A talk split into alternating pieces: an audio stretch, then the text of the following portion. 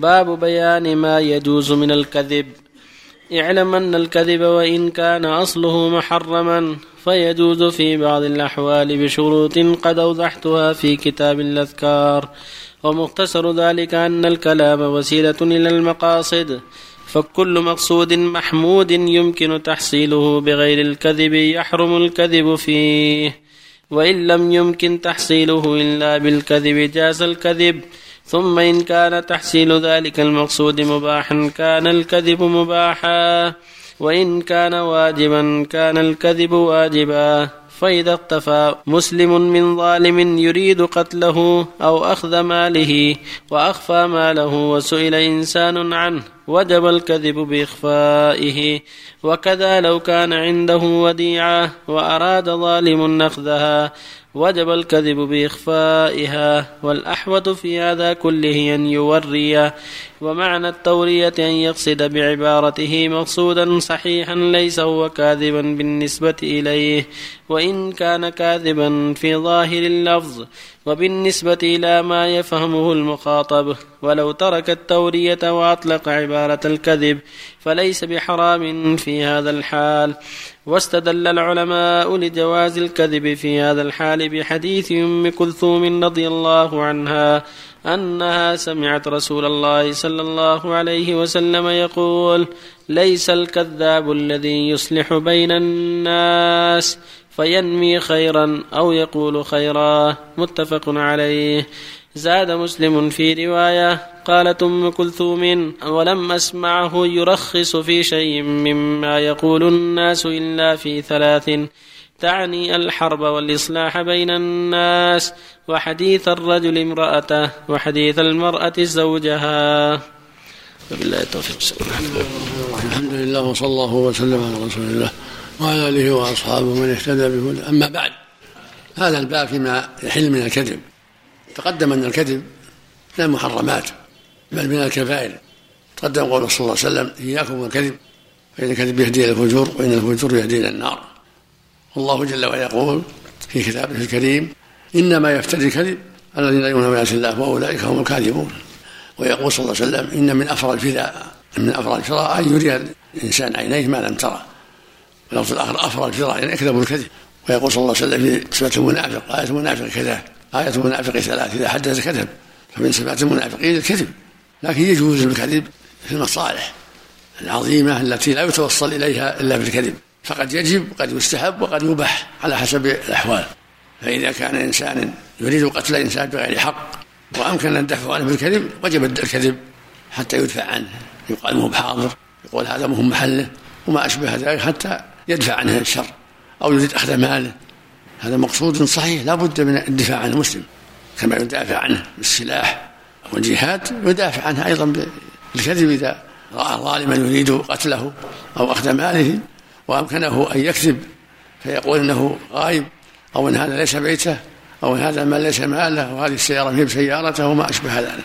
كذلك إذا كان معه أخ يريد إنسان أن يؤذيه بغير حق ويسأله يقول هذا من هو؟ هذا فيقول هذا أخوي. ما هو أليس هذا فلان؟ قال لا مو هذا فلان. يعني يحميه من الظالم أو يقول هذا أخي. يعني أخي في الله مثل ما قال إبراهيم عن سارة أنها أخته في الله. ليدفع عنها شر الظالم. كذبة أراد بها حمايتها من الظلم. ولهذا قال النبي صلى الله عليه وسلم ليس كذاب الذي يصلح بين الناس فيقول خيرا أو ينمي خيرا. من يصلح بين الناس فيقول خير فإنه ليس بكذاب. قبيلتان بينهما شر. أو أهل قريتين أو طائفتان من الأقارب أو غيرهم بينهم شر فيصلح بينهم. ويقول إن إخوانكم يدعون لكم ويثنون عليكم ويقول لا نحب الصلح ونحب ال... ويجي الآخرين كذلك إخوانكم يحبون الصلح ويدعون لكم ويثنون عليكم خيرا. وهم ما وصوه لكن ليجمع بينهم ليزيل بينهم الشحناء. ويجمعهم على الخير هم هو مشكور ليس بكذاب لأن أراد الإصلاح بينهم وإنهاء الشر الذي بينهم. ولهذا قالت أم كلثوم لم أسمعه يؤخر في شيء مما يقول الناس إنه كذب إلا في ثلاث. ثم بينتها الحرب والإصلاح بين الناس وحديث الرجل وامرأته والمرأة زوجها. الحرب يعني مثل ما قال الحرب خدعة. كان النبي صلى الله عليه وسلم إذا أراد غزوة ور بغيرها. إذا أراد الشمال ور بالجنوب أراد الشرق ور بالغرب حتى يعمي على العدو. إذا كان العدو قد قد بلغ وقد دعي وأصر يعم عليه حتى يجمع عليه. وهكذا أي خدعة يخدع بها الحرب ليس فيها نقض عهد وليس فيها قدر لا بأس. مثل حق عدو متحصن شق على المسلمين حربه فيرسل الجيش أو السرية الانهزام وأنه منصرف عن الحصن حتى يخرجوا.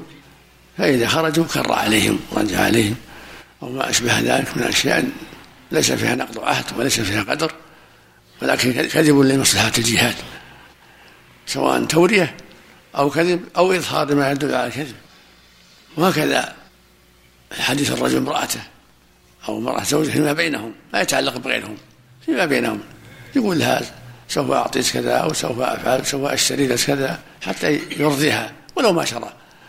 وهي تقول إن شاء الله ما أعود أبد سوف أفعل كذا وسوف ألزم البيت وسوف وأسمع وأطيع وسوف وسوف وإن كان في في نيتها خلاف ذلك.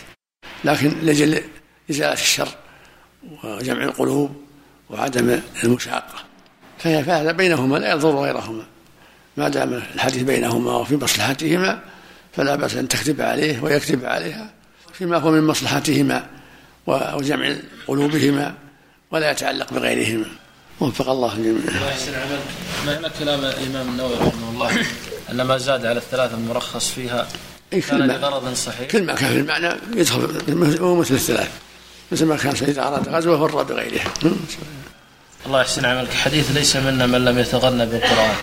يعني يحسن صوته. صحيح. يجهر به صحيح. صحيح. طيب الوعيد الذي ورد فيه يدل على وجوب التحسين. الله ليس منا. هذا ظاهر الوعيد ظاهر إنه لابد يعتني بالقرآن. حتى يخشع قلبه وحتى ينتبه من يسمعه يتحرى يتحرى. معنى التغني التحسين الله تحسين الصوت والجهر به إذا دعت الحاجة إلى الجهر. قول الامام قول الإمام سفيان بن عيينة يستغني به ليس بس لا لا لا لا هو مو على الاستغناء تغنى يعني يجهر به ويحسن صوته. نعم. يتصل الجهر والتحسين الله نعم نعم. حديث عائشة والذي يقرأ القرآن وهو عليه شاق. له أجر نعم إيش فيه؟ له أجر. يعني يتعب.